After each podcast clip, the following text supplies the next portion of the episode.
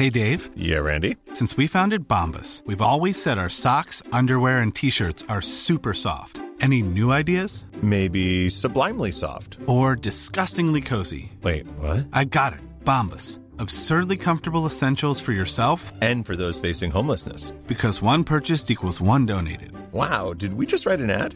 Yes. Bombas. Big comfort for everyone. Go to bombas.com slash ACAST and use code ACAST for 20% off your first purchase. Hi, I'm Daniel, founder of Pretty Litter. Cats and cat owners deserve better than any old fashioned litter. That's why I teamed up with scientists and veterinarians to create Pretty Litter. Its innovative crystal formula has superior odor control and weighs up to 80% less than clay litter. Pretty Litter even monitors health by changing colors to help detect early signs of potential illness. It's the world's smartest kitty litter. Go to prettylitter.com and use code ACAST for 20% off your first order and a free cat toy. Terms and conditions apply. See site for details.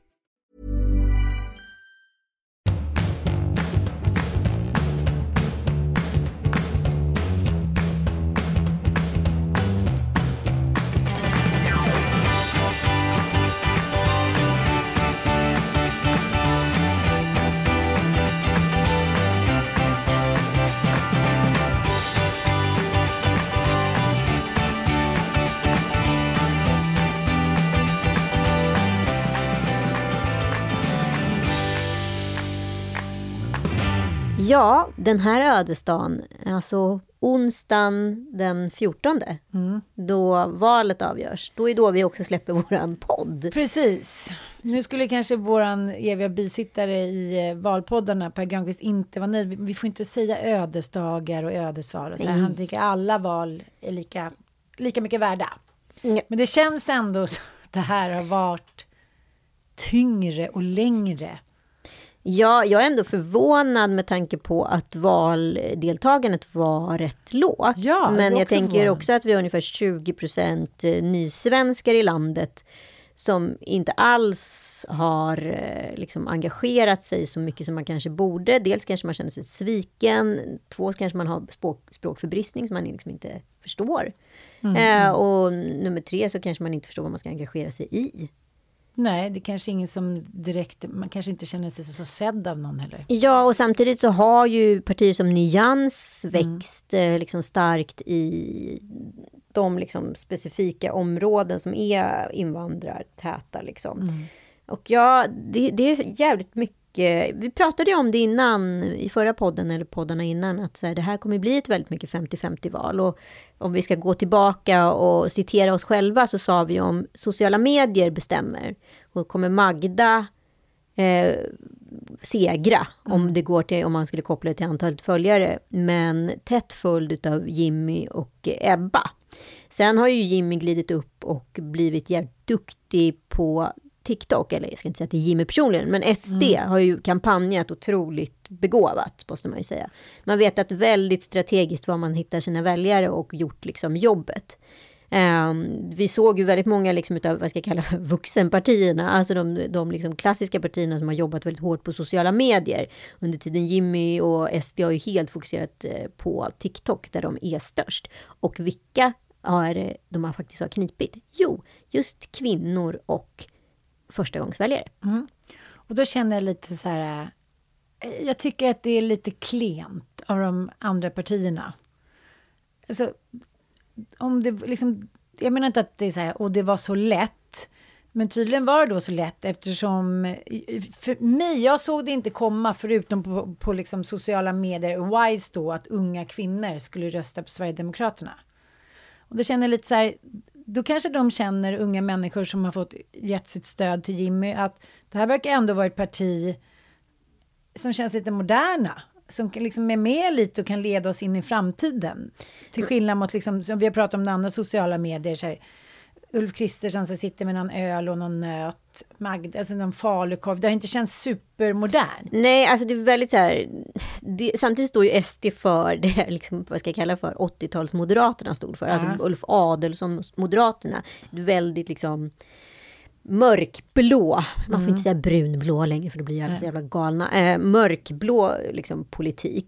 Eh, och det är ju de äldre väljarna som har då spilt över till SD samtidigt som Vänsterpartiet eh, har vuxit i många, många distrikt så har sossarna också tappat till SD för att så här, i Norrland exempelvis har, man, har SD vuxit jättemycket. För, som tidigare var det starka liksom arbetar, Mm. eh, liksom landskap eller distrikt har liksom gått över till SD för att man tycker nog kanske att Jimmy säger som det är.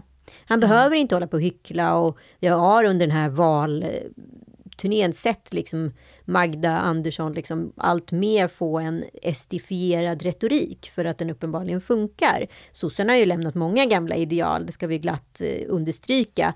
Att det är egentligen bara tre, fyra punkter i partiprogrammen som just nu skiljer eh, eh, SD och S åt ideologiskt. Och så har det inte sett ut historiskt. Och man påstår ju också att då att både liksom Kristdemokraterna och Liberalerna eh, och Moderaterna har också förlorat på att bli SD-hubbar. Att man, och om man kollade på liksom hur många som vad de hade tappat jämfört med förra valet, där de faktiskt hade liksom, eh, mer mandat allihopa, så har de ju tappat på den här SD-fierade retoriken till SD. Man kanske känner att så här, varför ska jag rösta på dem för? Då kan jag lika gärna gå på SD direkt. Det har ju blivit rumsrent. Ja, jag vet. Och det är det som jag tycker är lite läskigt. Och deras gamla troll. Och det är klart att de får liksom bära hundhuvud för eh, gamla, liksom, vad ska man säga, arslen som måste städas ut. Jag tänker så här, ja, men, vad ska man säga, de medarbetarna som, eh, ja, men, som är fångade på här, liksom, filmer, smygtagna filmer. Alltså de måste ju kickas ut. Ja, det har han ju sagt att Ja. Mm. han ska. Och allting som har med någon nazistkoppling eller eh, liksom, eh, MC eller våldskopplingar ska ju städas ut ur partiet. Och det verkar ju som att de har ambitioner att göra det. För att ska man vinna Sverige så ska man, måste man göra det rätt. Liksom. Mm. Det går inte att ha de där gamla muggiga ideologiska värderingarna. Liksom. Men jag måste också fråga dig, eh, tror du också att här, attraktionskraften ligger i att de här unga kvinnorna tycker att han är lite het? 100 procent. Ja. Att han tänker så här, ja ja, pest eller kolera, men det är i alla fall någon som ser lite härlig ut. Jag tycker inte det, men eh, ja, jag, Men jag ska prata dig. mer om Ja. det här med Niklas Berling som kommer Ja. hit, våran modeexpert. Ni kanske sett honom på TV4. Eh, sjukt duktig stylist och modeexpert. Så vi kommer faktiskt gå igenom, vi ska helt eh, OPK här, eh, gå igenom eh, politiken och eh, vad partiledarna hade på sig. Mm, och vad det betydde. Ja, Mm. exakt. Hej! Tjena! Förlåt! Fantastiskt att vara här. Vi ska ju risa och rosa. Och det är ju det, Anita, får man det? Ja, Men alltså, här du får vet, man det. Mm. Så här, klimatet har ju varit ganska ängsligt sista året, liksom, kring så här, det här med att klä upp sig, klä ner sig. Vi har ju suttit hemma. Vi har liksom haft en så här, du vet, hela grejen med att ha vit skjorta och sen ha på sig kanske bara trosor framför datorn eller om ens det. Been there. Ja. ja men alltså att man har så här, klädkoder har liksom inte riktigt varit på samma sätt sista Nej. åren. Vi har inte klätt oss. Vi har haft ett mode som har varit, jag vill säga att vi har ju köpt mer kashmir som i lyxset som man har hemma än nya festklänningar eller kostymer. Loungewear har jag förstått att det kallas för. Du hör ju själv. Ehm, det finns ju någonting i det som är jätte, jättehärligt. Mm. Men det är också en stylists mardröm. Jag Såklart. är ju liksom stylist, jag hjälper ju folk att klä sig och det låter ju svinkonstigt. Vad är det? Hur gör man det? Jo men jag tänker så här, vi ska prata om politik idag. Precis. För mode är ju också politik, även fast vi inte vill prata om det Nej, på vi det vill sättet. ju inte prata om det, men om vi ska ta den så här, den krassa vägen. Sista åren så har det ju varit ehm, när jag växer upp i Örebro, liksom Mm. i ett, och utanför Örebro också, så var det, man gick till sin butik och så köpte man ett par jeans om man hade tur och hade varit snäll och, och sparat jättelänge. Då gick man ju till en butik. Idag så ser det inte ut så. Jag menar, du kommer ihåg när man så här åkte in till stan på Gud, ja. lördagar, klädde upp sig lite, skulle shoppa. Det var liksom något speciellt att shoppa. Det var inte jämt, det var inte klockan ett på natten, det var inte via en dator. Det var en fysisk butik med någon som hjälpte dig. Det var inte en impulsstyrd handling. 100% nej. Nej. Eh, Det var något som du hade tänkt på, du hade sett någon, du hade klämt och känt och du kanske hade sparat länge. Nu, klipp till idag. När vi liksom klockan ett på natten sitter och scrollar, så här, insomnia. och så här impulshandla fyra blusar från något varumärke, tar två stycken small och en medium, du vet inte riktigt. Får hem skiten och sen så vill du inte ha någonting, skicka tillbaka det, allt är gratis. Jag tror att där måste vi börja med konsumtionen. Liksom, ska vi ens hålla på på det här sättet? Hur ser det ut framöver? Jag tror att när vi kommer till politik, klimat och mode så måste vi liksom ta ett nytt grepp igen som hela modebranschen. Modebranschen var ju hårt ansatt innan själva pandemin. Det får vi inte Absolut. glömma. Att det var ju liksom 25 procent av allt förorenat vatten i världen, 25 procent är modeindustrin. Så jag tror att där har vi någonting att börja jobba med. Ja, för att inte bara prata om hur mycket CO2-utsläpp alla dessa Exakt. bud faktiskt eh, tar. Det visade sig faktiskt under pandemin att Ja. vi inte alls hade varit klimatsmarta, eh, trots att bilen hade stått hemma. Helt still. Utan däremot hade vi konsumerat något fruktansvärt i budmängder, som vi då köper någonting som skickas hem till oss, som vi sen, "Nja, fa- passar inte riktigt, skickar tillbaka. Eh, går på liksom bilhjul eller Ja. liksom i luften Ja, eller på liksom Nej, båt. men alltså, det är precis det du är inne på just nu som gör mig ganska förtvivlad, att man inte gör aktiva val längre. Nej. Det är inte som att du och jag sparar och så går vi till en butik och så köper vi de där jeansen, utan nu tar vi hem allting. Och så Precis. skickar vi tillbaka allting i plast, i kartong. 100 bud går till 100 personer istället Mm. Ja. för att vi går till en butik. Exakt. Samtidigt, hej Niklas, är du bakåtsträvare? Nej det är jag inte, men jag vill bara att vi ska tänka till lite grann om vad vi konsumerar och på vilket sätt vi konsumerar mode idag. Och när vi kommer till politik och mode, vad är det då? Kan vi ens liksom prata om vad man har på sig? Fast jag tror att det är viktigt att prata om det ur ett hållbarhetsperspektiv istället Anita. Ja, Att absolut. vi liksom titta på, står Men det är också jag... lite tråkigare just nu. Skittråkigt! måste jag erkänna. Men så här, står jag som politiker och pratar, jag klär ibland politiker. Mm. Och hur tänker jag då? Jo, då tänker jag så här. Jag vill ju titta på personen i fråga, men framförallt lyssna. Jag vill höra vad personen säger. Där börjar mitt samtal. Du vet ju så här, vi vill ju givetvis inte att så här, åh, eh, kläder, ska det vara, ska det vara liksom någon betydelse? Ska jag liksom, ja, fast du vet ju själv, första gången du träffar en människa så tittar du ju på hur personen ser ut, hur personen pratar, doft, du vet allt det här som bara hjärnan pågår med. Mm. Men jag tänkte på en intressant grej, för jag såg partiledardebatten någon dag innan valet. Mm. Den här sista som var tror jag på SVT. Och då var ju Märta Stenevi där och hade Just ett par det. Mm. jättestora gröna paljettaktiga Örhängen. Och som var egentligen helt mismatch till Mm, hennes outfit. Och jag liksom kunde liksom inte sluta titta på de här örhängena. I början störde jag mig. Men sen började jag tänka så här, fan det här är liksom rätt smart. Hon får Nej, det- ju, det har hon ju tar ju hennes- väldigt mycket ja, liksom airtime Ja. och space. Och, Och- liksom, jag lyssnar ju på vad hon säger. Exakt, hon har hittat något som är så här för henne, sin eget, liksom det här är min USP, det här är liksom det som jag kommer, jag kommer hålla på med det här. Ja, för Och grejen menar- var att ja. jag hade ju zonat ut totalt Ja, ja. den. För att man, nu, nu går de på repeat. De bara pratar och pratar och säger samma saker. Men de där örhängena gjorde susen för mig att lyssna på henne. Det där är så jäkla intressant att du säger, för att det är ju någonting, jag vet att de till och med tog upp det igår på TV4s eh, va- valvaka. Just det här med att de hade en eh, snubbe som ritade karikatyrer. Och var vid eh, programledaren, om det var Tilde eller någon annan, som, som var också tydlig med att, men du har väl missat hennes örhängen? Så det är precis just det. Hon har Exakt. gjort det till här, sitt lilla egna ja, men tics som Ja. vi fastnar vid och tittar på. Signifikant med hennes liksom, look. Det jag tror att vi måste titta lite mer på det är ju så här, okej, vad vill vi egentligen? Jag menar, det finns ju en otrolig eh, det säger ju en hel del om att nya, eventuellt landsfadern då Ulf, har tagit av sig kavajen. Fredrik Reinfeldt, om vi går tillbaka ett tag, tog av sig slipsen. Där började vi. Just Helt plötsligt det. hade vi en landsfader som inte hade slips. Ja, men det här hänger väl också lite ihop med liksom Ukraina, Zelensky, den här nya ledaren som är liksom en man av folket som sitter i t-shirt. Ja, men jag, jag, 100% av detta. Det här med att vi liksom är, vi har ett krig i närområdet. Vi kan liksom inte kosta på oss att vara för flådiga just nu, det passar sig inte. Eh, där gör ju Ulf helt rätt. Han vill liksom på något sätt vara en landsfader. Vi tittar på ett Sverige idag som faktiskt, där man klär sig blått och grått och svart.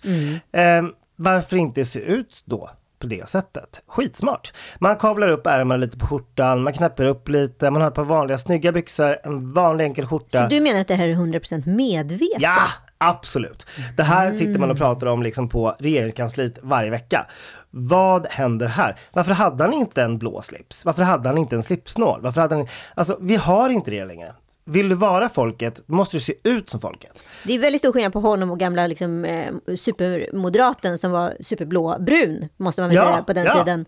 Eh, Ulf Adelsohn. Han var ju extremt, han, pratade, han såg ut som alla yuppisars dröm. Ja. Han liksom gick Stureplan på Bauer 84. och sydde upp kostymer och det var liksom Absolut. 100% allting. Nej, men jag tror att också att vi har gått ifrån ett eh, jag menar, jag tänker så här, ska vi, om politikerna idag vill vara en del av folket så behöver man också vara en del av det eh, klädmässigt. Men däremot så tycker jag att vi har problem med att man står och pratar om hållbarhet. Man står och pratar om naturresurser, om vattenanvändning, om infärgning. Men man har på sig kläder från skitkedjor. Det blir jag provocerad av. Okej, nu händer det Nu grejer händer här. grejer. Nu För det går vi här igenom tycker jag det är intressant. Att man står och pratar om en hållbarhetstanke. Man vill vara där. Men man själv stödjer egentligen skitfabriker i liksom, där människor faktiskt på riktigt skadar sig, där barn jobbar. Ska vi hålla på så? Jag tycker att det liksom är så jävla illa. Mm. Hur man så här, säger en sak men klär sig på ett sätt som faktiskt är helt åt helvete. Så att, och jag hör själv att jag blir ganska upprörd nu. Mm. Men alltså ja. jag känner så här, men då får du faktiskt också ta ansvar för det här. Mm. Du får faktiskt också klä dig liksom efter vad du säger. Och det tror jag faktiskt inte att många av våra politiker gör. Jag klär, har, har klätt några av dem. Men då pratar vi också om att det ska vara spårbart ner till var ullen har plockats. Ja. Vi måste liksom komma längre än så. Vi måste vara bättre än så. Mm. Och de här människorna behöver absolut bli bättre på det. Ja, men ska vi gå igenom lite namn då? Nu har vi ändå, nu vi ändå liksom- moraliserat så pass mycket så nu tycker jag att Nej, vi men jag får tycker ju vi kan ju faktiskt... ta Ulf som exempel igen. Jag vet vart han handlar sina kläder. Eh, han är väldigt noga. Mm. Han är, det är som sagt inget eh, som är... mm, Allt det där han har på sig är noga utvalt. Det är, alla har fått lön. Det produceras i bra fabriker och det är 100% rätt. Mm. Så att honom kan vi liksom inte ta på. Utan han gör faktiskt allt det här helt rätt. Bra! Bra för honom, Mm. eller hur? Hej Ulf! Ja, heja Ulf. Eh, Annie klär sig ofta svenskt. Mm. Eh, jag tycker att det är fint. Hon har också samma tänk där. Eh, vill att folk ska få betalt, men framförallt att det är producerat på bra sätt och att det är inte så mycket transporter. Jag ser att hon återanvänder också ganska mycket grejer, vilket jag tycker är superspännande att se, precis som kronprinsessan gör. Just det. Det här med att man återvänder saker, man syr om saker, man stylar på ett nytt sätt. Jag Mm. Ja, tror men för förr i att- tiden var det ju så att man köpte en rock och så Ja, lappade man och lagade ja. den och hade den i hela livet. Och det är ju någonting som är Absolut. rätt i det. Idag har vi åtta ytterplagg bara för höstsäsongen. Ja, och så ja. lika många för vintern, Ja, våren och så ja. vidare. Och vi spenderar ju över vad är det, 16 kilo per år Ja. som vi bara wastear. Ja, eh, nej, galenskap. Bra där Annie! Nej men jag tror att liksom, jag ser att hon har, hon tänker till. Jag tror inte att hon har någon stylist utan hon, jag tror att hon jobbar faktiskt helt eh, själv. Eh, när vi kommer tillbaka till, jag tänker Ebba. Jag tycker att hon är modig i sina modeval. Jag tycker att hon är eh, ibland ute och cyklar men, men Vad då som exempel? Nej, men jag tycker att ibland kan det bli ehm, ja, lite för konservativt, men jag förstår med det partiet. Jag tycker att hon skulle kunna bära mer svenskt eh, och framförallt mer nordiskt och tänka lite mer på, på miljön. Jag vet att hon gör det i mångt och mycket, men eh, ibland, eh, ja, inte helt 100% än. Okej. Ja, när vi fortsätter sen, jag tänker på Jimmy. Eh, eventuellt ny landsfader, vad jag förstår. Ja, det, det, det, den har liksom inte riktigt sjunkit in Nej, än. alltså, vi är ju också i, vi vet ju inte än. Nej. Nej, men he, där kan vi prata gammelmoderat egentligen. Det är slipsen, det är skjortan, det är... Där det, har vi en slipsnål. där har vi slipsnål. Det Ja. är konservativt, det är gärna någon liten eh, knapp i annan färg. Det är någon liten... Alltså, han klär sig egentligen som vi såg ut för 20 år sedan, skulle jag säga. Men å andra sidan, det, så här. Utan att generalisera för grovt så tror jag att han ja, men kanske klär sig som sina väljare. Tryggt, borgerligt. Eh, ja, men man har kavaj, man har slipsnålen, man har liksom... Det, det. Ja, jag tror att det är, handlar 100% om identifiering och att känna sig att man ser ut precis som sina väljare. Men tror du, för jag läste nu i den senaste mätningen här från DN, att eh, SD har ju ökat mest bland unga och kvinnor. Mm. Tror du appearance har någonting med det här att göra? Jag menar, han är ju en utav, om man nu ska vara utseendefixerad, Ja, en utav de eh, partiledare som kanske ser bäst ut på den manliga flanken. nej men alltså Jimmy ser hel och ren ut. Han eh, pratar tydligt. Eh, jag förstår att det appellerar till unga och till kvinnor. Absolut, 100% för det är ett väldigt, väldigt tydligt budskap. Och när vi tittar på Jimmy så titt, hör jag liksom, jag lyssnar på vad han säger för att jag är helt trygg i vad han har på sig. Jag behöver inte sitta och titta och tänka. Behöver inte "Oj, vara orolig för nej, galna Hur såg örhängen." det där ut? Eller vad var det där? Jag kan bara luta mig tillbaka i soffan. Så att han gör ju 100% rätt. Moderrätt, verkligen. När det kommer till politik och kläder. Är, han, är han hållbar? Vet du vad? Det skulle jag vilja se. Jag tror inte det. Eh, det är jag som nu spekulerar 100% men jag tror att det där gamla tyget som jag såg sist i valdebatten, det är inte producerat på ett bra ställe. Men det får stå för mig. Det får stå för dig. Men Johan Persson är ju liksom en, det är en lång man. Det är mycket, mycket man. Det är, Nej, men alltså jag, så här, jag tycker att det är Farsan hela dagen. Det är 100% pappaskämt, det är liksom igenkänning, det är landsbygd. Han är från Örebro. Jag sån vet, sak. bara en sån Hörde sak. du, vad säger du? Hörde du? Va? Nu ska Va? väl dra på. Hörde du, va? Gas, full gas. Du vet, de pratar inverterat. Har du tänkt på det när han är i debatter att han börjar liksom på en inandning och sen slutar han på en utandning? Alltså det är sjukt men det är roligt. mycket, mycket liksom partiledare i det här. Ja. Jag gillar honom, men jag tycker att han klär sig ganska illa. Jag tycker att det är en skjorta som eh, borde ha bytts ut för länge sedan. Den är, det är för tight. Det är för... Herregud, vem är jag att säga någonting? Alltså pandemin var ju inte snäll mot någon kropp. Men det är... Men det känns som att det ätits väldigt mycket korv och Ja, eh, liksom- skräpmat på den här valturnén. Jag Jag, jag tycker liksom att jag, nu, nu ska man inte sitta och liksom bodyshamea på något sätt, men jag kan se att skjortans knappar får jobba lite Men du, hårdare. ja, men du vet när de nästan är på väg att brista. Ja. Och det blir det här mellanrummet mellan varje knapp som man absolut inte vill ha. Nej. Så att då, då måste man ju ha någon som säger så här, vet du vad? Vi behöver gå upp en storlek. Och det, det är inget mer med det. Mm. Nej. Men body shaming, nej, det håller vi inte på med. Nej, det håller vi inte på med. Jag vill bara belysa att någon borde ha hjälpt honom. Men däremot en storleksförändring, ja. Mm. Men eh, vad, vad säger vi om själva liksom, eh, liksom klädkoden? Han känns ju väldigt liberal. Super, ja. Men jag, jag tycker samtidigt att han, han klär sig någonstans där i mitten. Det är verkligen, du vet, det är en udda kavaj med en chinosbyxa, det är liksom en ljusblå skjorta eller en vit skjorta. Det är liksom mittenblocket hela dagen och eh, jag kan verkligen se att han går hem i stugorna. Ja, verkligen. Ja, men det är sådär eh, brothers Ja, men det är så här eh, modet. tryggt, enkelt, le, så här glansbygd, höll jag på att säga. Glansbygd var. Glansbygd! glansbygd, glesbygd. det är det nya, det är det men nya, ja, men han- glansbygden. Han är fan glansbygd. Ja, eller hur? Ja, bra ord. Mycket bra. Det måste vi använda. Tycker du, tror, tror han är hållbar? Men jag tror så här, jag tror att han är precis i det segmentet där de flesta svenskar handlar. På ett, en större kedja.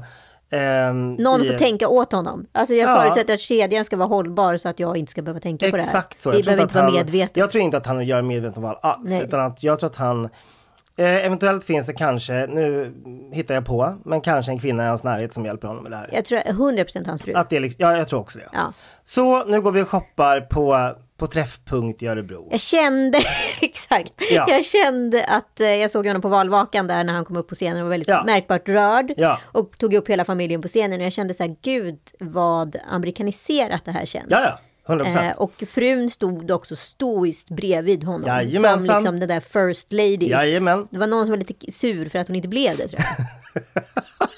Nej men, Men- det men- 100% Men spekulativt. överhuvudtaget så här, hela valvakan igår var ju extremt amerikaniserad. Jag vill så här, rockstjärnor. Mm. Ja men det kändes som, jag vet inte, visste inte om jag var på Eurovision ett tag, Nej, liksom men också, i green också room ja, men vet, eller här, vad det nu var. med liksom döttrarna bakom, frugan med prästen med korset. Det var liksom, Ja. ja, ja. Spännande tider framför oss. Mycket spännande. Om vi då flyttar från det blåa, och vi var lite där inne i mitten och gegga ett tag, men så går vi Mm. till, om vi går till Miljöpartiet då? Men så här, Miljöpartiet har ju verkligen gjort en liksom resa modemässigt får man ju säga.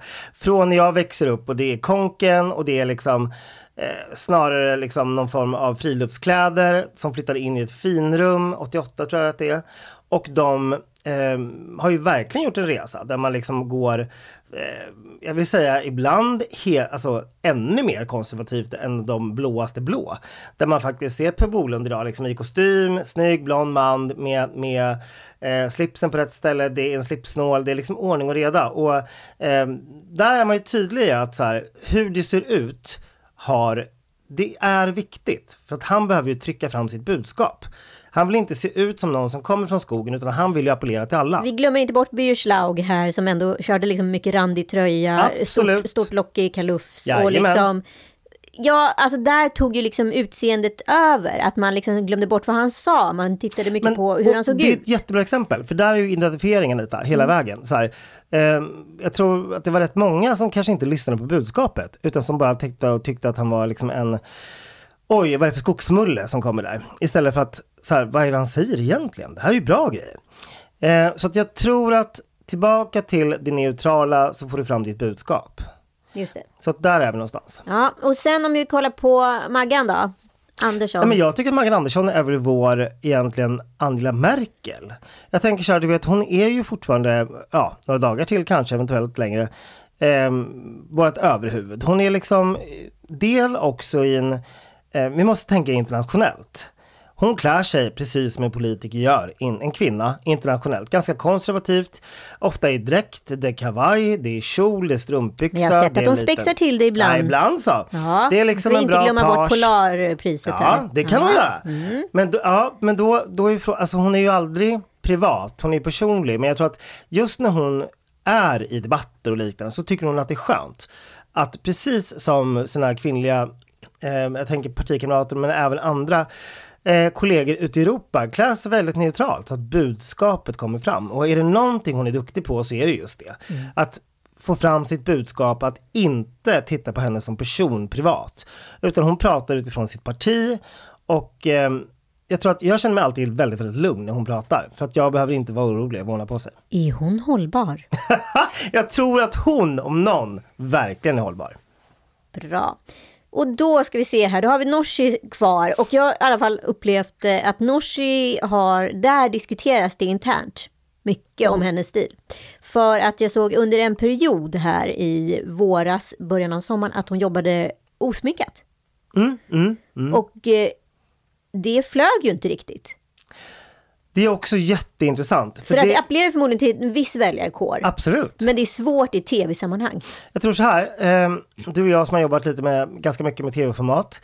Eh, det handlar ju inte så mycket om att sminka.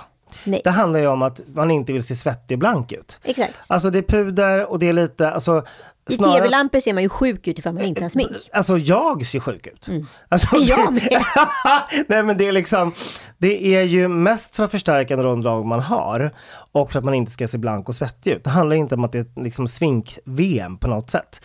Ehm, när det kommer till Norsin och hennes klädstil så jag tycker att hon är cool som vågar, försöker. Ehm, hon drar på sig lite oversize kostymer, det är liksom, flyger inte alltid skulle jag säga. Ehm, men det är, hon försöker också kombinera det här med att liksom, hon är ung cool kvinna och vill fortfarande vara ball och snygg. Ehm, om hållbarheten? Nej, tveksamt Alltså, faktiskt. Ja, jag tror inte att allt det där är speciellt hållbart och spårbart. Ehm, det, det är ekonomiskt för plånboken. det är ekonomiskt för plånboken, Mm. absolut. Men det gör ju snarare andra hål i andras plånböcker. Mm. Så att det är, ja, vad är vad. Tack Niklas Bergen för att du kom. Tack alltså, snälla. det känns liksom otroligt uppfriskande med att ha lite så gäster ibland. Nej, men så roligt att få vara här. Ja. Tusen tack. Vi tror vi tar in dig till alla galasäsongen när det är Oscarsgala. Då ska vi och- prata, då ska vi prata hållbarhet och mode på riktigt. Då ska vi prata. Alltså, vi kan prata mer skvaller då tycker jag. Mindre Vi har hållbart. inte skvallrat så mycket idag. Nej, jag vet.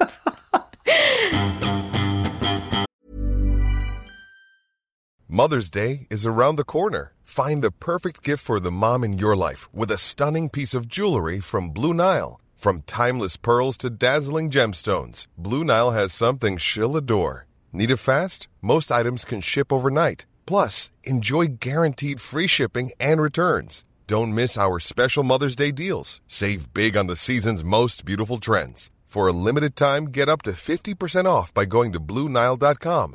That's BlueNile.com. Imagine the softest sheets you've ever felt. Now imagine them getting even softer over time. That's what you'll feel with Bowl and Branch's organic cotton sheets. In a recent customer survey, 96% replied that Bowl and Branch sheets get softer with every wash. Start getting your best night's sleep in these sheets that get softer and softer for years to come. Try their sheets with a 30-night guarantee. Plus, get 15% off your first order at bowlandbranch.com. Code BUTTERY. Exclusions apply. See site for details.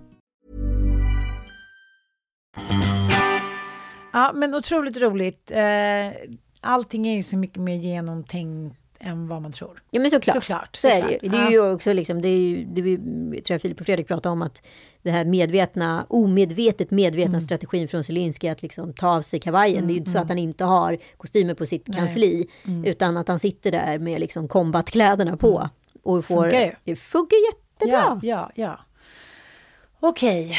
Eh, Ja, mycket har hänt senaste veckan. Drottningen har gått därhädan. Hon mor salig. men, mor Sörli, min, min mor, min mor. Jag blev lite förvånad. Jag var inte alls eh, beredd på, alltså jag menar inte att jag behöver vara beredd på att Queen Elizabeth dör, men det blev ändå lite chockartat. Det känns som att liksom en annan värld tog vid för hela världen på något sätt. Ja, men det känns ju verkligen som en epok har gått i graven. Och Ja. det är väl alltid läskigt, tycker jag, vid såna här, vad ska man säga, tydliga personer går därhän.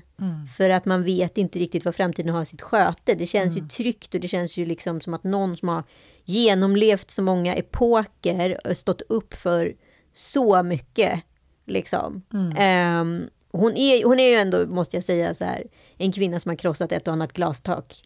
Ja, ja. Men jag, hon har ju blivit anklagad för att vara känslokall och liksom köra en retorik som inte är liksom, eh, vad ska man säga, så modern. Men sen i slutet nu så är det det hon också får mycket cred för. Precis. Nej, men jag tänker att hon ändå... har hållit hela vägen. För hade hon kört liksom någon så här skön, modern mormorstil, då hade ju hennes huvud rullat vid så många tillfällen. Ja, men hon var ju inte fostrad till att bli drottning, utan det var ju Nej. Mm. pappans brorsa som skulle bli kung. Men sen gifte ju han sig med en frånskild eh, kvinna och fick liksom Wallis avsäga sig Simpson, ja. Mm. eh, tronen. Och då blev ju hon regent vid 25 års ålder. Eh, och hon var ju liksom... Hon hade ju en jätteintressant lärare som var mycket mer så här, kreativ och var mycket mer så här, praktiker. Eh, så hon tyckte inte att det var så himla kul med det här akademiska. Sen var ju tvungen att plugga juridik och allt det där som man måste.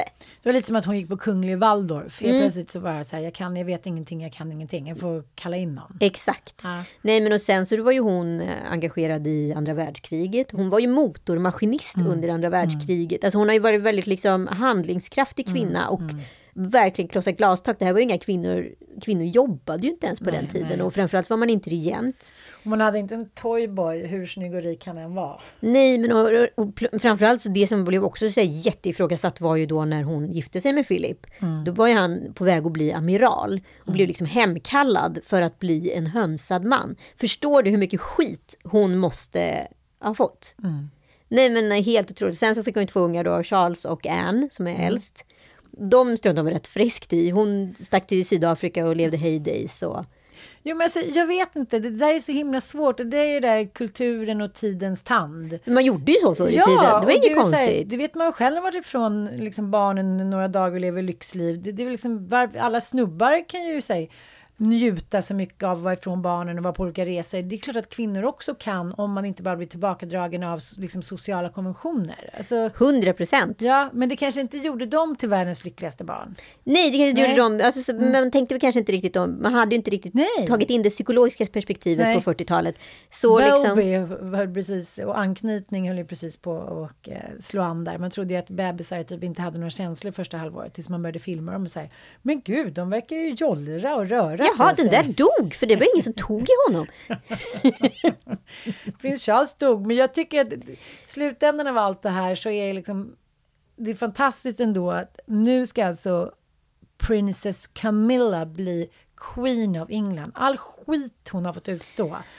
Om sitt utseende, om sitt rökeri, om liksom hur hon har betett sig och alla liksom Hon är, hon är ju liksom överklass ut i fingerspetsarna. Jag vet. Alltså hon är så mycket överklass, man kan inte bli så mycket mer överklass än hon är. Nej. Du säger, hey, men Prince Charles speaks perfect English. Jo, men det var ju ändå, det är ju fart på den engelska överklassen. Gud ja, det är liksom- heydays. Det är inte som Herregud. amerikanerna som är lite så här tråkiga och buffliga. De, de gör ju saker och ting i hemlighet, men det är så här, it's a party going on. Ja, jag är svag för den brittiska aristokratin, måste erkännas. Men det är ändå intressant att det som framstår som en så här århundradets kärlekssaga är ju i slutändan Camilla och Charles. Ja. Ja.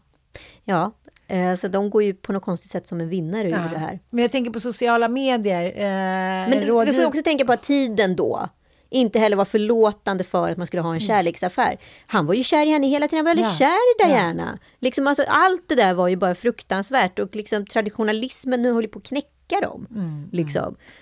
Men jag tänker också, det var ju någon av eh, drottningens rådgivare som sa så här, tack gode gud att inte liksom TikTok och Instagram kom 15 år tidigare. För under det skandalåret när, eh, men, du vet, när Diana berättade om liksom vad som hade hänt i kungahuset. Det var ju så himla mycket gre- grejer som hände under något år på 80-talet.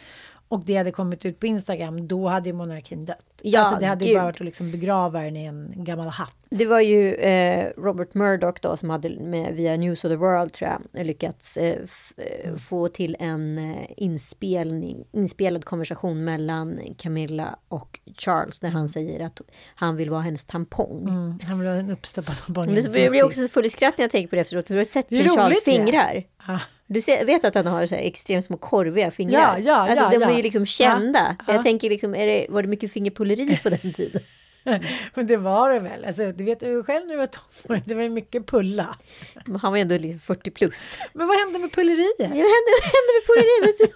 Skatta pulleriet. Jag gillar ju pulleriet. Ja, absolut. Fingerpull, en, glad, en glad fingerpullning, det, det kan man glömma inte. En glad dopp, det, var, det var min största, min största förnedring när jag var kär i en kille på en resa. Du vet man säger, alla är fulla, alla sover lite i samma säng och vaknar upp av så här, men gud det låter på andra sidan sängen. Vem är det? Då körde han en doppfull pulli. Fan vad duktig ändå. Klara två. Ja. Han bara drrrr. Nej, men jag måste ändå säga att liksom Bingo eh, Remer skrev någonting, något inlägg häromdagen. Där han skrev så här.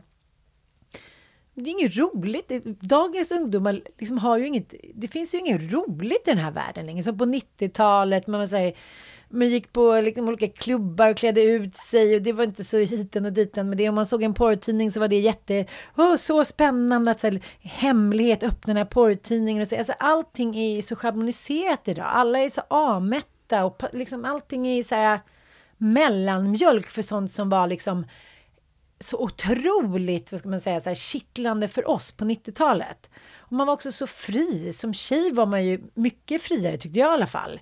Gud, Den här utseendehetsen, jag liksom minns ingenting av det här. Att man liksom, de här detaljerna och nu, nu såg jag ut sådär på den där bilden. Det verkar fast det var ju någon- utseendehet på den tiden då också. Det var ju bara att vi alla höll på att var. banta kroniskt exakt hela Ja, tiden. banandieten. Vad sa du? Banandieten. Ja, men alla dieter kom ju på liksom nu har alla 80 och ADHD och 90-talet. tar sina tabletter banda på det sättet. Ja, nej, men och, och nu, som, um, nu ska ändå folk hålla på och istället förställa sina utseenden. Då, så nu förstorar man läppar och ökar på kindben och så vidare för att se smalare ut, även fast Mm. man inte är smal. Så att jag vet inte vad som är bäst, om jag ska vara riktigt ärlig. Nej, men jag menar bara att jag kände ändå väldigt mycket liksom hopp och livsglädje Gud, ja. när jag var i den åldern. Sen är det så här, det är alltid tufft att vara ung. Det är en gravallvarlig era just nu. Ja, men jag pratade med en killkompis häromdagen. Han hade varit på bröllop förra veckan. Han var så här, jag hamnade typ vid ett ungdomsbord. Vad fan är det med dagens ungdomar? De är ju så tråkiga. Men de har ju tråkigt. Ja, men de gör ju inget heller. Det är inget så här, känns inte som det är någon backpacking eller liksom, okej, vi drar till Thailand och bor i en eh, koja och lever med katter. Let's explore the world. Nej, men allting är så ordnat. Så här, ja, då ska de åka till Costa Rica i ett halvår, ska de surfa och bo på den där skolan, så kommer vi och hälsa på dem. Ja, men allting är så inrutat redan från början. Det är som att de är så här... Jag vet inte, jag tycker också när man... Jag känner inte alls att jag var klar med drottningen. Nej, då fortsätter vi med henne tycker jag. Ja. Jo, men det är väldigt många som har skrivit att de älskar henne och uppskattar henne på sociala medier. Ja, ja verkligen. Ja, och då tänker jag så här, är det bara för att hon är död nu? Men så tänker jag så här, vi kanske gillar henne väldigt mycket ändå. Nej, men jag, jag tror så här att vi har liksom... Hon, om jag ska vara riktigt ärlig så har jag så här, jag har några kompisar som är väldigt duktiga på att ta många bra strategiska beslut. Men väldigt många dåliga emotionella beslut. Okej. Och när det kommer till eh, drottningens barn har hon ju inte varit supersmart. Nej, det har hon inte. Emotionella beslut. Hon kanske inte är attached till dem. Jag vet inte. Nu fick hon ju liksom Edward och eh, Andrew lite senare. Andrew har De ju gått... tjatade hon sig till lite. Ja, ja. sisådär för kan vi väl Ja, säga. Men sisådär. Edward verkar ju ändå ha liksom, ja. Ja. Ja, blivit, det blev människa av honom. lille siste pluppen. Precis, då gick det rätt till. Mm. Anne har väl också i och för sig varit väldigt duktig olympisk mästare i, i, i horseback riding och alltihopa sådär. Och Ja. väl inte så mycket skandaler bakom sig heller. Men jag bara tänker så här, det är så intressant med människor som tar så många rationella, duktiga, affärsmässiga beslut men dåliga eh, liksom, Ja. relationsbeslut. Och hon kanske är försvagad av sina barn och liksom jag tänker att, att Diana var liksom något så gammalt arv, monarkiskt arv, som man måste ha en sån här typ av fru för att det ska bli lyckosamt. Mm, Fast mm. Charles hela tiden var intresserad av Camilla Parker liksom, med vack, så det blir vackra avkommor och det hade ju inte blivit kanske samma hotshots barn med Camilla. Nej, exakt. Nej, om vi nu ska prata ja. utseende. Ja, det gör vi uppenbarligen. Ja, men det är väl därför kungligheter har liksom gift in sig med vackra kvinnor. Mm. För att det ska bli då vackra Förädla av, Ja, förädla. Ja. Sen så... Ja, jag vet inte, men det som jag känner med henne, att hon har ju aldrig vikt. Alltså, hon har aldrig schabblat. Hon, har all, alltså, hon måste också på något sätt lindat in sig själv i ett kontrollbehov och i en glasbubbla för annars skulle man ju aldrig ha mäktat med allt det här. Nej, förstår du hur mycket konflikter det måste varit bara inom familjen? Nej, men Förutom allt Tänk dig då med Meghan och Harry. Nej men alltså, vi måste vänta lite med dem bara. Ja, vi väntar lite ja. med dem. Men det som är intressant är ju också att hon var ju, hon tyckte ju om Thatcher som kvinna och ja. kvinnlig regent. Men hon tyckte ju väldigt illa om hennes politik, exempelvis Falklandsöarna. Och hon tycker det ah. absolut eh, onödigt. Och det var ju också mm. en extrem rasism i England under de här åren. Och det var ju Thatchers re regering liksom med att bidra ja, ja, till. Liksom. Och de kommer överhuvudtaget inte, de respekterar varandra men de kommer inte överens. Och liksom, Eh, Elisabeth har ju liksom många kopplingar till Afrika, Kenya, till Sydafrika och så vidare. Och hon har ju alltid vurmat för liksom, den lilla människan och svaga personen. Mm. Exempelvis var det väldigt roligt med den här uteliggaren eller, eh, som hade då brutit sig in ja, på Buckingham Palace. Och satt snicksnackade någon halvtimme. Nej, två och en halv timme. Va? Innan två och en halv timme innan vakterna kom. Och hon pratade glatt med den här personen hela tiden. Han satt ändå med en pistol riktad mot henne och sådär. Mm. Och hon snackade ändå ner honom och sen kom vakterna och arresterade mm. honom. Och så var inte med, med det. Det är ändå otroligt mm. roligt. Men jag tänker bara eh, den lilla liksom, strategin att de hade skilda sovrum under så många år. Att det var liksom 100 meter från deras sovrum. Och så, så fick man trippa över man ville pippa lite. Och det var liksom klänningar, man blev påklädd och avklädd. Hon har ju liksom levt något jävla Versailles-liv. Mm. Hur ska man då kunna liksom vara avslappnad? Fast där uppe på Balmoral som hon har spenderat liksom mm, större ja, delen av sin tid, ja. där hon faktiskt föddes också, där mm. har hon ju faktiskt varit privat. Där har hon ju ridit, där har hon gått i gummistövlar, mm. haft byxor, mm. kört bil, rökt cigarr, druckit sin gin varje kväll som hon gjorde. Uh, och liksom, ja, där verkar det som att det har varit liksom heydays. Och man förstod ju varför hon ville avsluta sitt liv där också. Och där dog även Philip då, nästan Precis. ett år mm. tidigare. Men nu tillbaka till Meghan. Prince William and Kate and Harry and Meghan united in their grief in shots which many have hoped for and now can see those two brothers and their wives in Windsor taking time out to see members of the public. And... Okej, okay, ska vi vara helt ärliga nu mot varandra? Mm -mm. Vad kände du när du såg Megan kramas? Och, hon var ju den som var mest förtvivlad av alla enligt ansiktsuttrycken i alla fall. Ja, Har alltså, sett någon så ledsen? Det finns ju två, det finns ju två spår att gå här. Hon kanske, alltså ibland får man ju upp fördämda känslor genom olika andra scenarion. Förstår du? Att du mm. kanske har en besvikelse på någonting och så kommer det helt plötsligt in i en sorgprocess och då kan även de känslorna komma fram. Liksom. Mm. Så att det är mycket möjligt att det var äkta känslor fast de kanske inte var helt koncentrerade till just specifikt det tillfället. Men Nej, att det var en känslosam stund för henne. Mm, mm. För att det var jobbigt också såklart att varit liksom ja, utputtad från hovet samtidigt som man vill sko sig på det. Nu tycker jag ju liksom att Meghan fick ju användning i alla fall för sina dramaklasser. För att så här, ja. grunden är ju att så här, i Sverige har ju inte kungen någon makt. Men i England har ju kungen lite makt, eller kungahuset makt. De förvaltar jättemycket skatt från alla de här liksom, länderna i sammanväldet. Allt från liksom Kanada till Nya Zeeland och till kolonier etc. Liksom, eh, som de fortfarande är aktiva i. Så att så här, det finns ju liksom ett ansvar för kronan och det är det som drottningen har liksom tagit ja, ansvar för. Jag bara tycker att det är helt otroligt att att det här har pågått så himla länge. Hennes, liksom deras stora rikedom, deras stora liksom all mark de äger, att det inte liksom har blivit revolution. Nej, men jag kan ju tycka att så här, det är märkligt att ha ambitionen att vilja störta monarkin och sen ångra sig. Ja, jo, alltså, jo. alltså, man, hon vill ju inte vara... Hon har ju, de har ju tagit ett aktivt beslut att bryta sig ut från monarkin. Eller det gjorde de ju, det tog ju drottningen åt dem. Men sen hela tiden då när man inser att här, monarkin övervinner allt, att det är som en stor, stum, tyst mur som bara står där. Och då vill man liksom klättra upp för den igen. Och det blir lite patetiskt kan jag tycka. Ja, men det är lite så här vända kappan efter vinden. Nu är vi på väg tillbaka. Men... Jag blir mobbad, nu vill jag vara med. Alltså, Ja, precis. välj. Mm. Men eh, jag undrar fortfarande, vem tror du det var som, som ställde den här frågan? Hur mörk färg tror du att Archie kommer få när han, alltså ert barn? Det var ju någon som hade ställt den frågan. En journalist. Nej, någon inom familjen. Mm, oj, det måste ju vara någon av gammelgummorna. Nej, det var jag. inte Queen Elizabeth. Nej, det var inte Queen Elizabeth, men Nej. jag tänker att det kanske är Anne eller Mm. kanske Charles. Du tror att det kan vara Charles till och med? Camilla? men, Nej, jag tycker hon verkar vara... ja, vi ska inte spekulera för mycket. Kanske var brorsan? Efter några öl? Varför skulle han göra det? Han Jag vet, de är ju bara sprungna ur en så otroligt speciell aristokratisk vitblå miljö. Ja, men jag tror inte det är det äldre gardet. De har liksom lite mer respekt. Jag tror snarare det är mellanskiktet som inte varit liksom utsatta för och integrerade på något sätt. Liksom.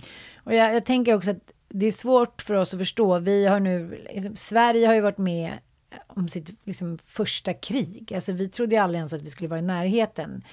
Menar, Queen Elizabeth, hela den generationen, de upplevde ju andra världskriget och det är klart att det har påverkat. Men hon är född i slutet på första världskriget dessutom. Precis, precis. Vi kan liksom inte ens... Ja, ja. Ja men kalla kriget, hon har sett presidenter, Mm. hon har sett liksom Berlinmuren byggas och falla, hon har sett liksom rid- järnridån falla. Alltså Mm. alla människor hon har överlevt. Det är ju bara för jävla coolt. Ja, men jag fattar också att sen, när man är med om historiska händelser så känns det som att man vill vara med och skapa en förändring. Det är väl det som jag kan tänka lite med dagens ungdomar. Att allting, allting har ju blivit väldigt ytligt tycker jag. Det handlar inte så mycket om så här, fina värderingar längre. Och det som har blivit liksom ty- synligt är ju att vi Mm. pratade om det för några program sedan, de här eldsjälarna, att de inte finns längre. Mm. Och det om något är ju stort hot mot samhället. Att det inte finns människor som vill skapa saker, som vill driva De någonting. finns ju, men de är liksom absolut inte lika många som men- innan och de är inte kollektiva. Vad fan, när vi Ja. växte upp, Ann, då fanns det liksom tio Greta Thunberg. Ja, jag vet. Och nu vet, finns det en. Mm. Det är väl klart att det har devalverats på alla sätt. Och hur ska man göra med det här? Vad fan, jag var sjukt provocerad av alla jävla influencers som håller på att posta. Liksom, oavsett från vilken, nu tycker jag verkligen så, röda blocket var aggressiva i sociala medier och verkligen har tagit det som fäste just på Instagram och så vidare. Under tiden blåa blocket, eller framförallt Jimmy då, hade fokuserat på TikTok. Eh, att man använder liksom Förlåt, det var rätt mycket så här fake news i både liksom poddar och liksom i text. Alltså att man liksom varnade så mycket för det blåa blocket som man liksom nästan hotade med att det skulle bli Ryssland eller att vi skulle byta statsmakt. Att det skulle vi helt plötsligt gå in i republik. Eller, alltså vi är ju en demokrati och demokratin är inte hotad. Det är en konstitution, det kommer inte hända någonting. Och oavsett vad det blåa blocket gör så kommer det fortfarande ta tre, fyra år innan det har gått igenom alla de där instanserna. Jo, så jag men- tycker att det var rätt aggressivt och konstig stämning. Jag kände liksom, jag röstade ju på Centern liksom. Mm. Jag kände liksom att så här, jag vill inte vara med på det här liksom. Den här typen av krigsföring, det är för fult. Det är för aggressivt och liksom också många av de här människorna som uttalade sig om det här vet vi har holdingbolag, det vill säga du, du tömmer ett bolag och sätter det i konkurs och så tar du ut vinster i andra. Alltså du, det är så mycket pengatvätt och det finns så lite som tjänar solidariteten som socialdemokratin står för. Så att jag förstår inte hur man kan, kan kolla sig i spegeln dagen efter. Men det var ändå väldigt högtidligt. Jag gick ju med Ossian och röstade. Eh, och, eh, Började du gråta sådär?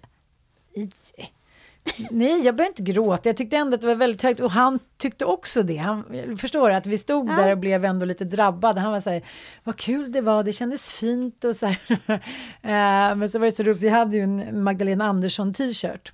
Just det. Och Elon var så här, jag har frågat dig så många gånger vad du röstar på och du har sagt att det tänker jag inte säga. Jag bara, va? Det har jag väl aldrig sagt. Och nu har den där t-shirten så här, det, då ser man ju vad du röstar på. Då, Som att det, att det liksom, det, mina föräldrar var ju väldigt hemliga med vad de röstade på. Min mamma Ja, det var ju sen märkte jag ju då att de röstade blått så att säga. Men, men det är någonting som också har svängt tror jag. Att man säger Man ärver ju inte sin röst längre. nej, och det gjorde man ju Mm. verkligen. Det kändes ju som att man var en kvissling om man röstade liksom mm, på något annat parti. Någonting som här, jag fick erfara nu under valet, det var ju att jag skulle rösta för min mamma eftersom jag är god man. Hon kan ju varken prata och hon ligger liksom gud ja! på hem. Och liksom, jag har försökt få reda på via valberedningen, liksom, hur, hur funkar det här nu då? Eftersom jag bor på en annan ort och så vidare. Och så har jag fått massa olika, du ska till centralstationen, nej men du kan gå dit, du kan göra det här och du kan, du kan vad heter det, poströsta. Sen har jag försökt lite olika grejer och det har inte funkat.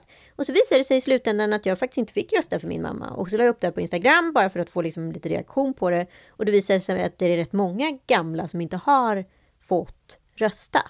Som är liksom institutionaliserade eller har, eh, lever hos hem, med hjälp av hemtjänst och så vidare.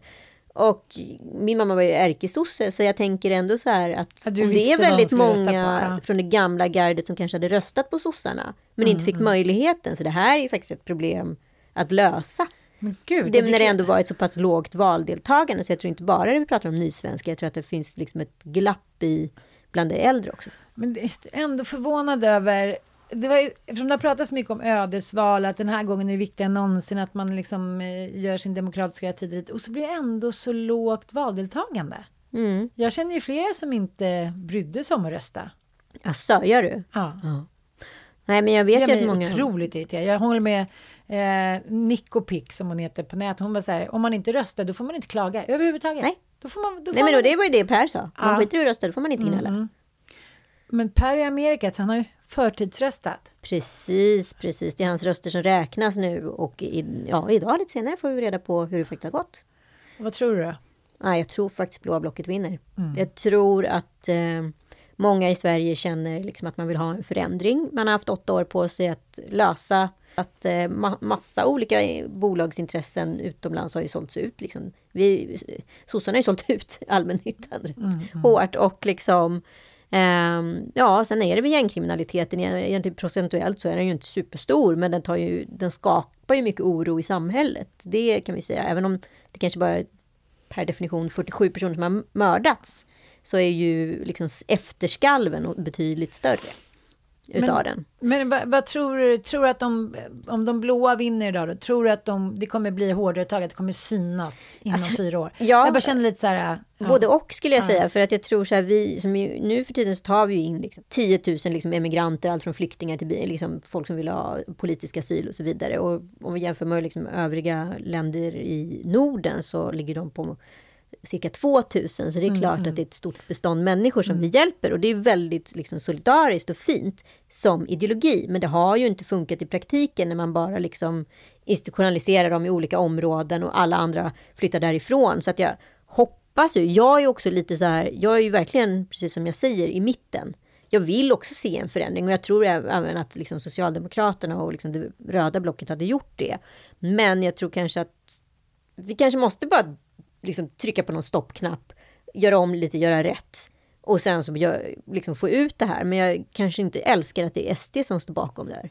Nej, nej. Allra helst hade jag sett, som jag säger, en, liksom en krispolitik kopplat till energikris och krigskris. Alltså att det hade varit liksom Centern, sossarna och eh, Moderaterna som Ja. styrt det. Liksom. Ja, men jag tänker också så här, det är ändå så otroligt jämnt. Mm. Så det kommer ju ändå bli gr- liksom grötigt och roddigt och bråkigt. Så jag tänker så här, om vi nu är en sån otrolig demokrati, kör en samregering då.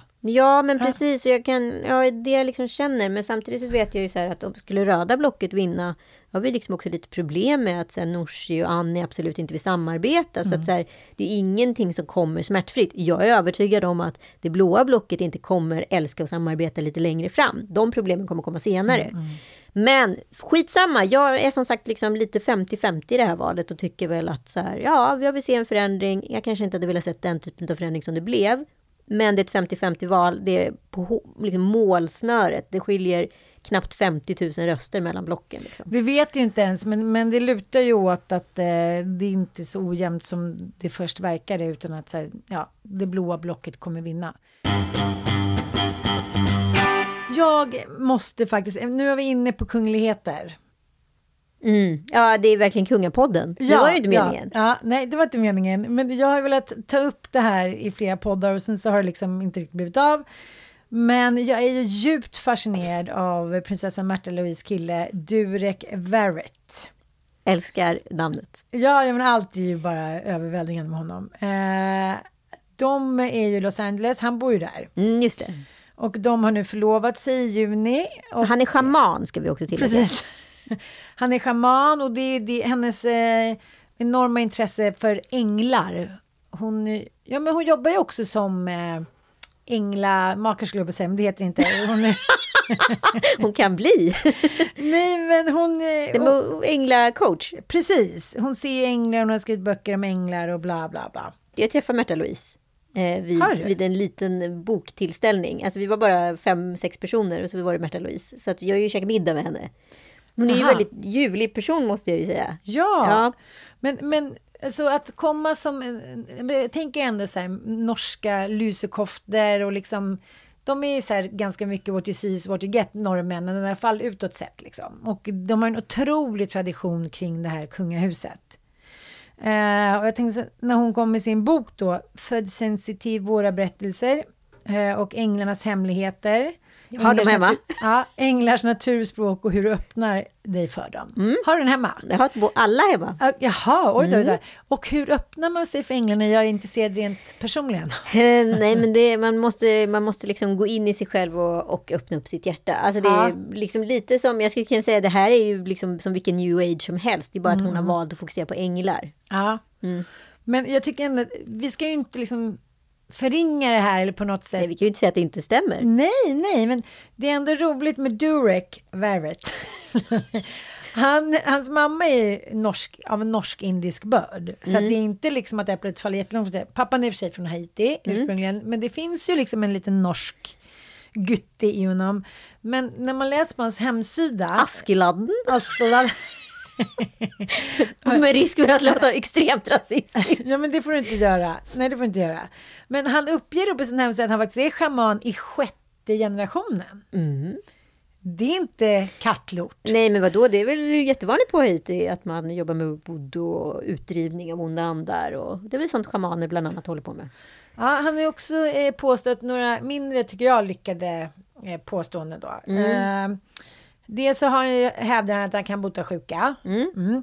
Men sen har han också påstått, att det här tycker jag är faktiskt väldigt kontroversiellt, eh, att barn som får cancer de orsakar det själva som de är då eh, olyckliga. Jaha, okej. Ja. Mm. Doesn't make sense. Men eh, då, då stoppades ju hans bok Spirit Hacking.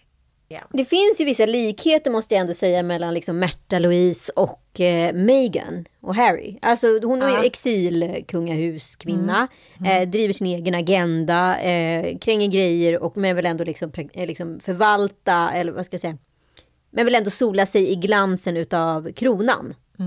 Alltså är man en Precis, prinsessa så är man ju en precis. prinsessa, så är det ju Mm, bara. Mm.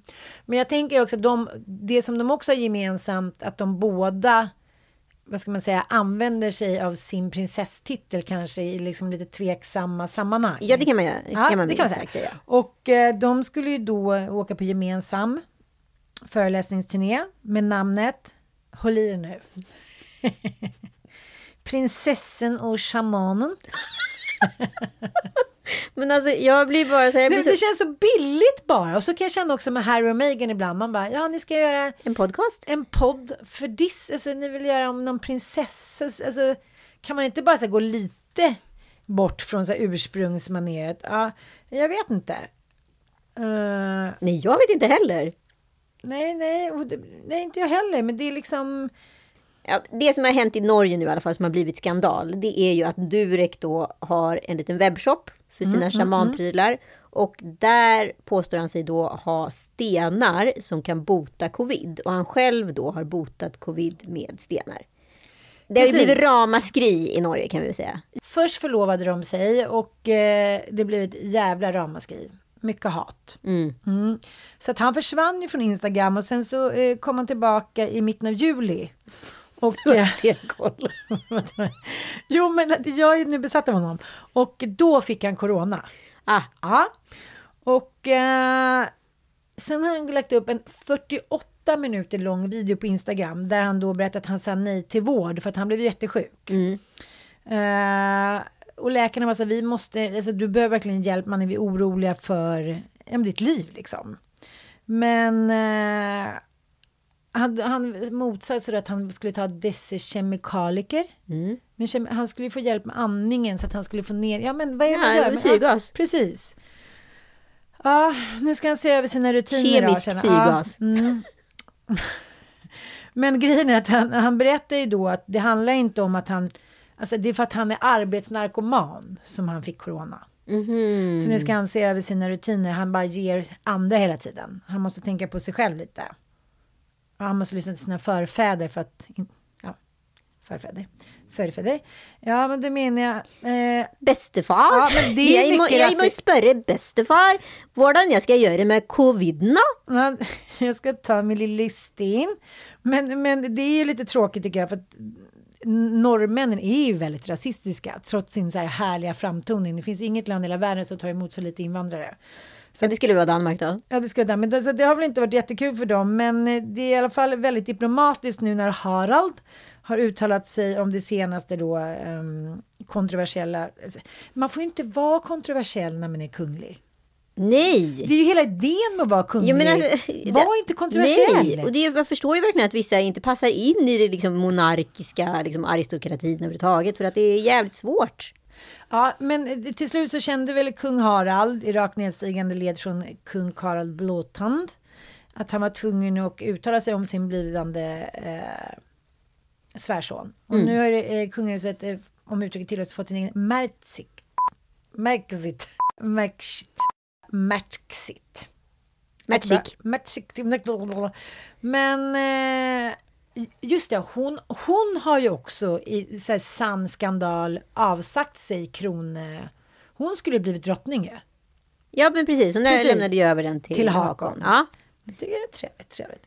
Eh, jag Men eh, jag bara undrar så här, en kvinna som Märta Louise som är liksom en Hon har sök... också avsagt sig kungalönen, ska vi säga. Ja, som är en sökare. Men det är ju precis som Meghan och Harry. De har ju avsagt sig det, eller rättare sagt, de blev ju av med det. Och då var de tvungna Ja. att tjäna massa pengar, så då sålde de massa rättighetsdealer till Disney och fick ungefär två miljarder istället. Skitsamma, Eh, det kanske inte Durek och Märta Louise riktigt har möjligheten att göra, men de kan i alla fall kränga grejer och tjäna lite pengar. Det är väl lite jobbigt att springa runt där och bara, ja, prinsessa på Ja. vift helt enkelt. Men hon har ju också, jag ska inte säga att hon har en Jo, hon har ett dålig karsmak. Alltså hon kommer från en människa som Ari Bern.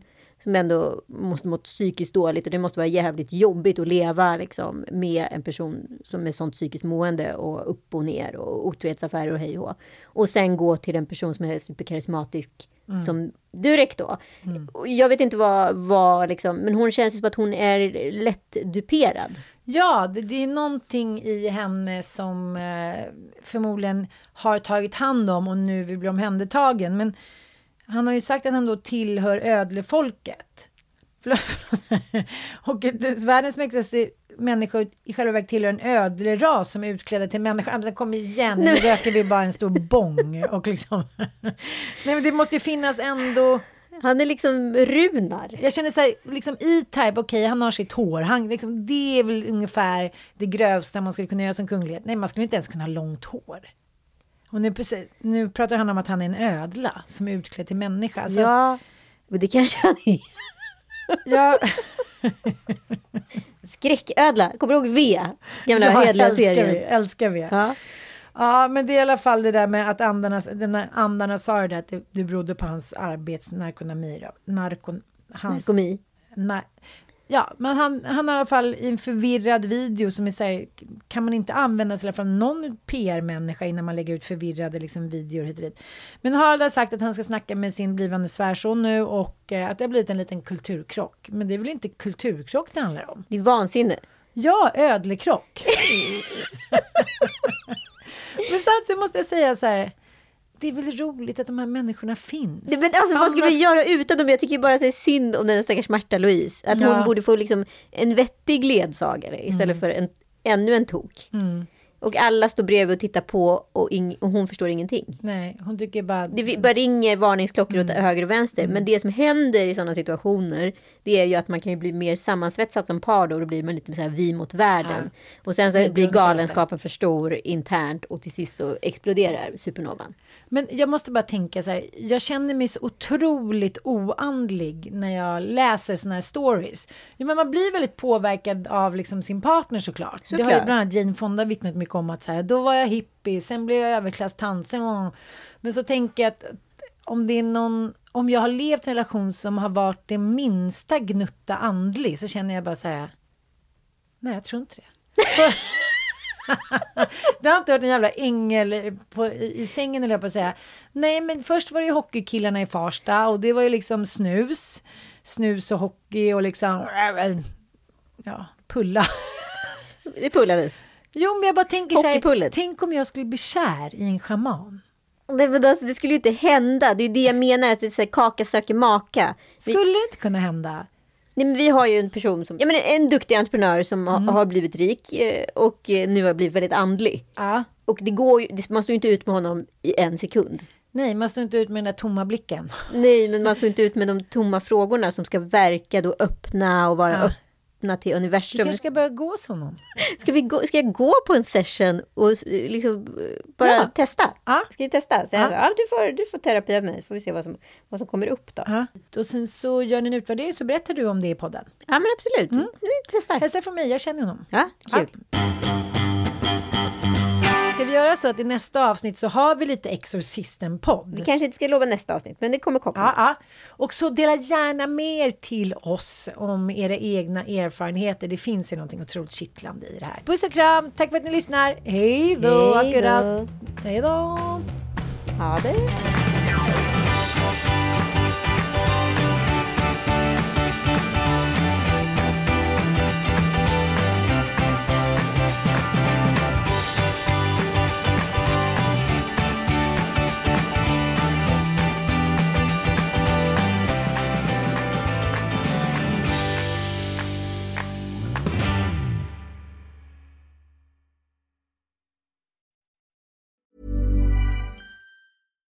Here's a cool fact a crocodile can't stick out its tongue.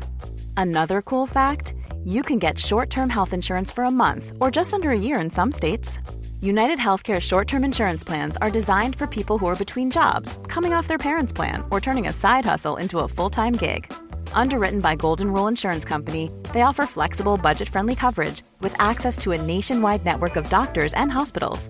Get more cool facts about United Healthcare short term plans at uh1.com. Mom deserves the best, and there's no better place to shop for Mother's Day than Whole Foods Market. They're your destination for unbeatable savings, from premium gifts to show-stopping flowers and irresistible desserts. Start by saving 33% with Prime on all body care and candles. Then get a 15-stem bunch of tulips for just $9.99 each with Prime. Round out Mom's menu with festive rosé, irresistible berry chantilly cake, and more special treats. Come celebrate Mother's Day at Whole Foods Market.